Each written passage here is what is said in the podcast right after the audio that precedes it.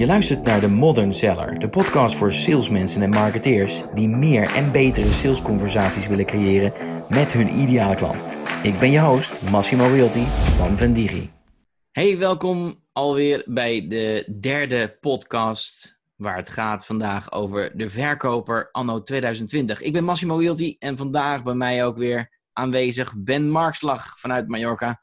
Ben, dezelfde tijd hè? We hebben dezelfde tijd hè? Uh, absoluut. Ja, Geen tijdverschil. Je hebt wel weer nog steeds mondkapjes bij jou. Uh, ook, maar misschien ook wel mooier weer. ja, dat denk ik ook, ja. ja. Hey, uh, we gaan het vandaag hebben over de verkoper anno 2020 of 2021. Maar de, de moderne verkoper, ja, hoe, hoe, ziet die er eigenlijk uit? Dat is wat we vandaag gaan bespreken, toch?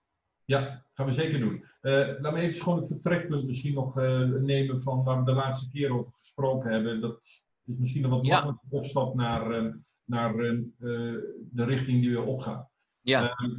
Uh, heel kort. Enerzijds, we vorige keer over gesproken hebben. We praten tegenwoordig, denk ik, mogen we stellen over een kopersmarkt. Ehm, waarbij je de, zeg maar de doelgroep heel duidelijk op zoek is online naar informatie.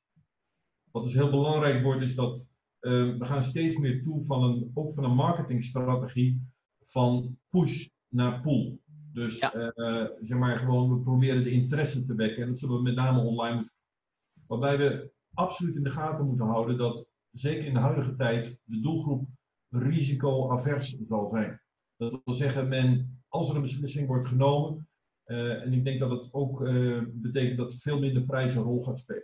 Er zijn meer mensen bij de beslissing betrokken. Dat betekent ook dat we te maken hebben met langere beslistermijnen. waarbij kopers ook nog eens een keer veel eisender zijn geworden. Dus kortom, skills van de verkoper die zometeen aan tafel komt bij een klant, en daar gaan we het deze podcast over hebben, worden dan een stuk belangrijker. Ja. Waarbij, die, ja? Die, die, die klant is koning, toch? Ik bedoel, uh, die staat ja. uh, bovenaan. Ja, die kreet uh, mag je nog steeds gebruiken. Ik wil er wel iets aan toevoegen. verkoop maakt het verschil. Dus ja. dat is waar het om gaat. Het is minder nog steeds belangrijk wat we verkopen, maar hoe we verkopen, is nog veel belangrijker geworden. Dat is waar we het eigenlijk in deze podcast over gaan hebben, Massimo. Ja, ja, ja, ja. goed punt, ja. Want die, die veranderingen, wat, denk jij dat een, dat een belangrijk punt is? Als we, wat, we willen vandaag wat mee gaan geven aan, aan, aan verkopers om uh, mee te gaan, uh, ze mee te nemen in, in de toekomst en trends daarvan. Wat zie jij bij de huidige verkoper wat, uh, wat met name een valkuil is? Uh, wat de valkuil is, is eigenlijk dat uh, veel verkopers nog veel achter heel veel kansen tegelijk aanjagen. Gaat ongetwijfeld, blijkt het onderzoek, ten koste van marge.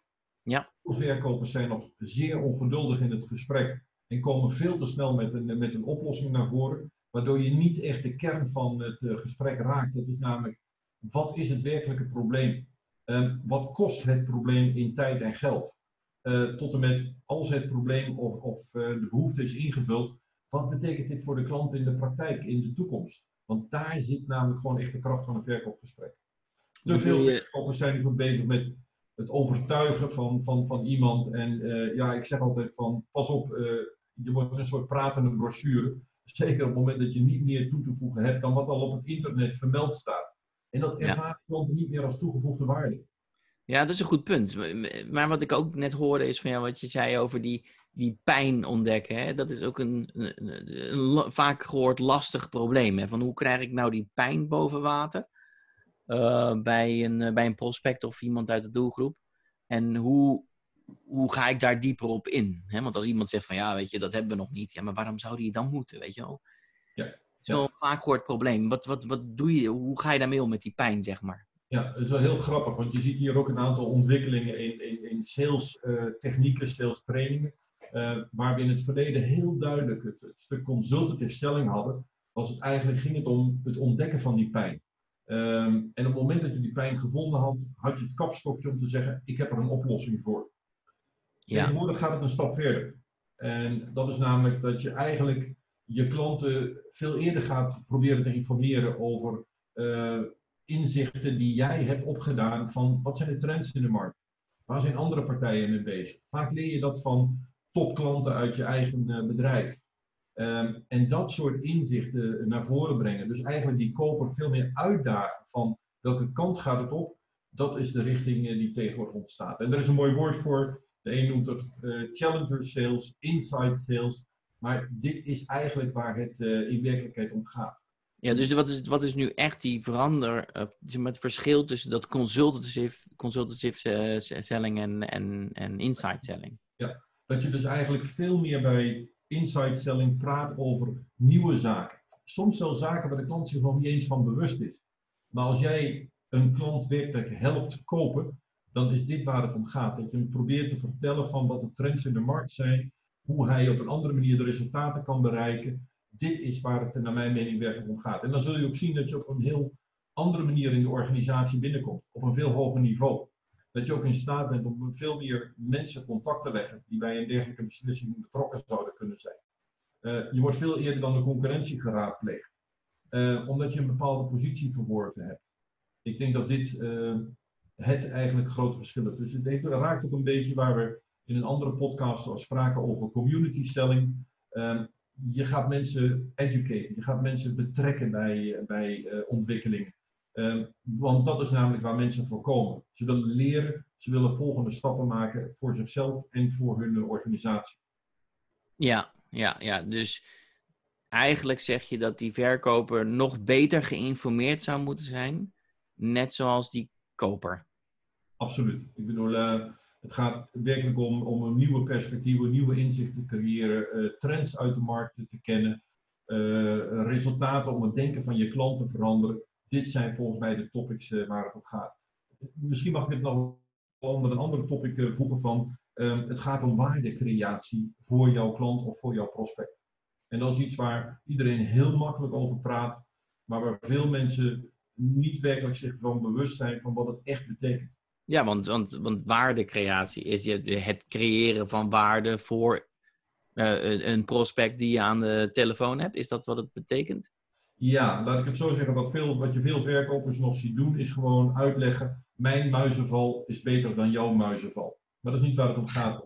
Waar het om gaat, denk ik, bij waardecreatie, is dat je realiseert dat waarde bestaat uit twee componenten. Dat is namelijk enerzijds opbrengsten, ja. en aan de andere kant is dat kosten. Dus wil je werkelijk waarde creëren, dan zul je iets positiefs moeten creëren. Dat wil zeggen, of je helpt een klant opbrengsten verhogen, of je helpt een klant kosten verlagen. En als je dat heel duidelijk in beeld kunt krijgen, door met een klant niet alleen te praten over welk probleem heb je, maar wat kost het probleem, of voor welke uitdaging sta je en wat willen jullie bereiken. Als je die fase van het, van het verkoopgesprek mist, zul je nooit tot een werkelijk voorstel komen wat leidt tot uh, waar een klant inzicht krijgt in hoe jij waarde creëert voor zijn of haar organisatie. Maar daar dus- heeft die, daar heeft die, daar heeft die persoon natuurlijk, uh, denk ik ook in de, in de tegenwoordige tijd, veel meer marketing bij nodig. Want anders is het koud bellen en dan proberen die waarde te gaan creëren. Of hoe zie je dat? Nee, absoluut. Ik, uh, zoals we in de, in de, vorige podcast ook gesteld, het samenspel tussen marketing en sales is uitermate ja. belangrijk. Beide, beide organisatiedelen uh, horen inzichten te krijgen elkaars uh, kennis en elkaars kracht. zullen die zaken met elkaar moeten delen.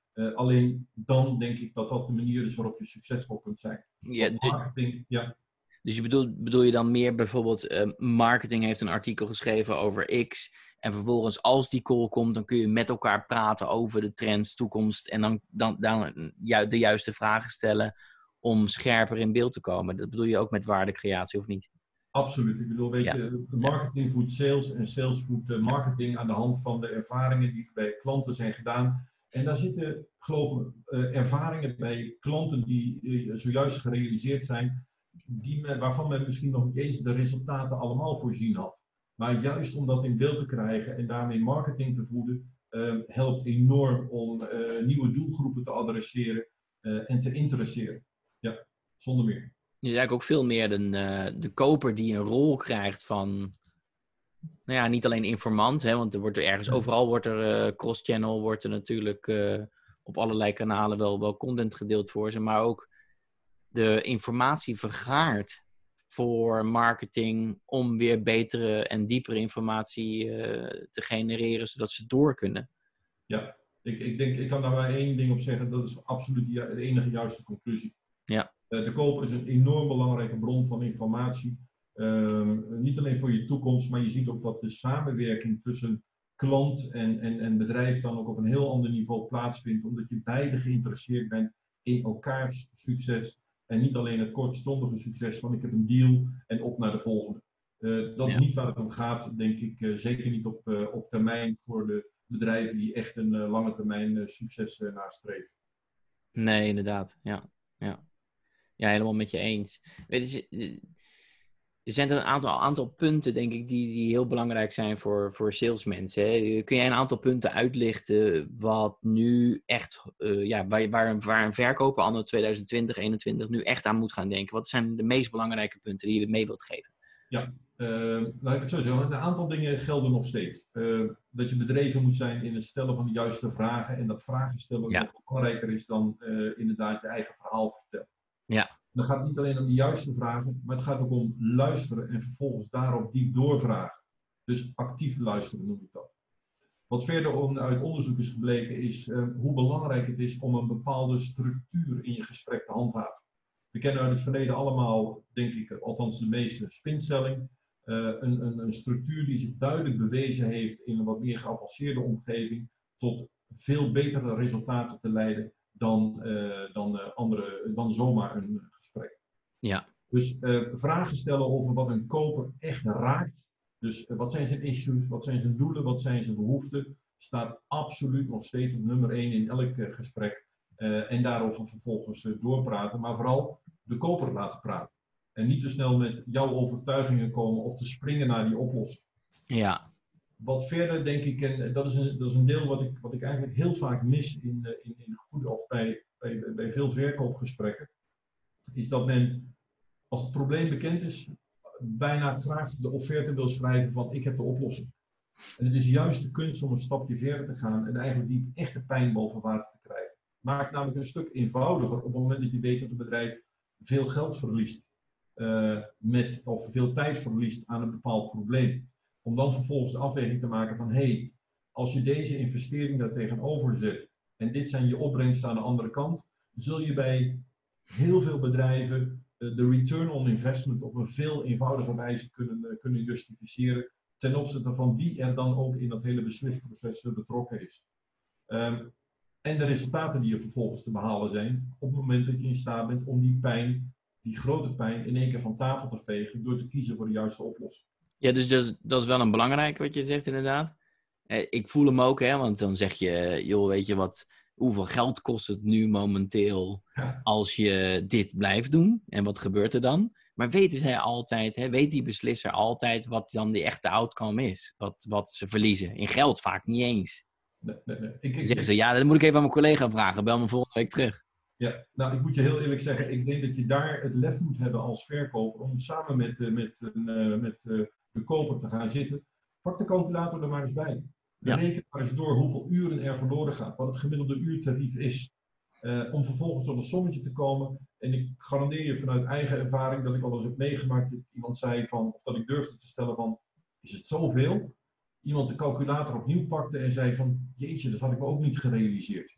Maar waarom zijn we dan... Waarom zijn we dan... het gesprek heel anders. Ja. En waarom zijn de meeste verkopers dan toch bang om dat te stellen? Want je ziet vaak dat ze het toch niet durven, omdat ze misschien afgewimpeld worden of, of denken van ja, hij weet het toch niet of zij weet het toch niet of dergelijke. Ja, en dat is natuurlijk heel gevaarlijk om dat soort aannames te maken. Dat op de eerste plaats. Ja. Uh, tweede plaats is uh, gebrek aan kennis, met alle respect. Maar ja. dit is onderdeel van een, van, een, van een goede verkoopsstructuur. Dat je ook je bewust bent van het bedrijfskundige aspect van wat gaat er aan tijd en geld verloren en wat betekent het voor iemand in een dergelijke positie? Op het moment je praat met een financieel directeur, een commercieel directeur, wat mijn contactpersoon vaak is als we praten over verkoopverliezen, um, conversieratio's die te laag zijn, dat is allemaal om te zetten in keihard geld. En dan is het de vraag van wat zou de investering bedragen om te zorgen dat dat soort problemen van tafel gaan. Dus kou dat soort zaken echt gewoon heel goed uit en ga dan pas in de allerlaatste fase van het gesprek of in een vervolggesprek over tot het werkelijk doen van een aanbieding, waarbij concreet al dit soort zaken op een rij gezet zijn. Ja, het klinkt wel logisch, want op het moment dat je de pijn niet weet, en op het moment dat je niet weet hoeveel geld het kost, of je krijgt het niet boven water als verkoper zelf, kun je er ook niks mee doen in je volgende fase, dus die is logisch. Maar ik denk ook inderdaad dat die bewustwording daarmee uh, die je creëert bij die persoon of die afdeling of die directeur, die echt ziet onder ogen van, weet je, ook al is het nog niet. Want als het er niet is, dan betekent ook dat ze minder snel ja kunnen zeggen op je aanbieding. Omdat ze gewoon nog steeds niet weten wat ze aan het verliezen zijn. Dus ik vind het wel een heel, klop, heel kloppend, logisch verhaal, bedoel ik. In, ja, is, is zeker zo. Maar pak het voorbeeld van de conversieratio's. Uh, nog afgezien van het feit dat het bij heel veel bedrijven niet echt in beeld is. Wat op zich al natuurlijk een punt is van, maar waar blijft dan je tijd? Of waarom ben je effectief? Of ben je wel werkelijk effectief? Ja. Uh, weet je, het is allemaal gewoon uh, uit te rekenen. Hetzelfde geldt voor prijsdiscussies. Hoe vaak ik gewoon niet meemaak, ook in trainingen, dat uh, vervolgens zeggen: oké, okay, laten we gewoon prijzen onderhandelen. Hoe snel er geld wordt weggegeven. Als je dat percentage projecteert op de totale omzet en je zou vragen van, zou je dat bij je eigen bedrijf ook doen? Uh, dat heel veel salesmensen zeggen, ja nee, dat is eigenlijk wel heel veel geld. Ja, maar het gebeurt wel. Dus de vraag is van, wat, wat, wat is een investering dan in een training ten opzichte van de winst die je kunt boeken door gewoon je marge op een heel ander niveau te krijgen. En marge is ja. eigenlijk waar het om gaat, niet om omzet. Het gaat om marge. Dat is het verschil. Dus hoe ga je dat soort dingen tackelen? En dan praat je echt over uh, uh, mensen het inzicht geven, maar ook mensen bewust maken van die uh, bedrijfskundige factoren die zo'n grote rol spelen binnen een organisatie. Ehm, ja, ik denk dat dat, ehm, dat eigenlijk eh, van essentieel belang is. En dat is een stuk wat heel vaak gemist wordt in de verkoopgesprekken. Ja, te snel de oplossing. Ja, dus wat je eigenlijk zegt is het gaat meer naar consult, van, consultative, van consultative selling naar insight selling, omdat dat inzicht delen veel belangrijker wordt. Maar je tegelijkertijd ook veel meer boven water moet kunnen halen. Ook met het voorbeeld wat je net gaf met die pijn boven water halen. Dat, dat, dat moet wel gedurfd gaan worden om ook die volgende, het volgende level te halen van die verkoper anno 2020. Ik denk dat, er, kijk, deels in consultative selling kun je ook op zoek gaan naar die werkelijke pijn in geld en in uh, verlies van, uh, okay. van, tijd. Kan allebei. Uh, alleen het verschil is dat, ehm, wat doe je bij een klant die geen echt probleem heeft? Zeg je dan van, oké, okay, nou sorry, dan kan ik u niet helpen. Of ga je naar eh, de markt toe, met name de nieuw business relaties, om te vertellen wat de nieuwe trends zijn, wat de inzichten ja. zijn. Dus eigenlijk om een stuk vraag te creëren in plaats van een probleem op te lossen. En dat laatste is niet alleen onderscheidend vermogen, maar het is ook, het, maakt je iets, het geeft je iets extra's. Het maakt je veel meer uh, de partij van, hé, hey, met jou is het echt interessant om te praten, maar je heel veel stappen verder. En je komt niet alleen in actie pas op het moment dat wij een probleem hebben, of dat wij een probleem hebben, maar je gaat nog een paar stappen extra doen voor ons. En dat is wat ik bedoel met uh, inside sales, dus inzichten geven, waarde creëren, de opbrengsten te verhogen, kosten te verlagen. Uh, en dan vervolgens daar ook nog eens een keer de gespreksstructuur op los te laten, die dat hele plaatje compleet maken en je neerzetten als een totaal andere verkoper. Uh, iemand die veel completer is. Dus dat is ook eigenlijk wat ik bedoel met hoe we verkopen, is veel belangrijker geworden dan wat we verkopen. Ja, ja. mooi gezegd. Ja, ik denk ja, dat. Ik, heb denk, geen andere, dus vandaar, ja, de klant is koning. Maar verkoop maakt nog steeds het verschil. Ja, helemaal met je eens. Ja, heel mooi. Heb je nog toevoegingen daarop? Nee, behalve te zeggen van uh, uh, laat iedereen dat, dat heel duidelijk tot zich doordringen. Tot en met, als ik heel eerlijk ben ten aanzien van verkopers, lees een aantal goede boeken over uh, dit onderwerp. Om, om je te realiseren dat als je in je vak bij wilt blijven, wilt evolueren, bij wilt dragen aan het succes van je organisatie. Dat ik ook vind dat net hetzelfde als wanneer je lessen volgt in tennis, in golf of voetbal of wat dan ook. Uh, dat je constant in jezelf blijft investeren. Want die markt in verkoop evolueert enorm snel. Dus ja. is misschien wel geen professie waar de veranderingen zo hard zijn gegaan dan in verkoop de laatste jaren. Onder invloed van technieken, uh, online, uh, et cetera, et cetera. Ja, ja zeker, zeker nu. Ja, ja, zeker ja. nu ook in deze tijden helemaal met je eens hoor. Ja. ja dus, heb, je een, uh, heb je een vraag voor, voor Ben Markslag? Dan stel die zeker ook in de comments of onder deze video. Of bekijk zijn profiel op LinkedIn. Heb je een andere vraag of die, dergelijke die we mee moeten nemen in een van deze podcasts? Of een mooi onderwerp, laat het ons ook weten. Oké okay, Ben, dankjewel. Verkopen anno 2020. Nou, ze zijn er klaar voor. Inside selling, inside sales. Ja, dit is de, de next step. Dankjewel weer voor vandaag. Prima. Hasta luego. Hasta luego. Ciao. Ciao.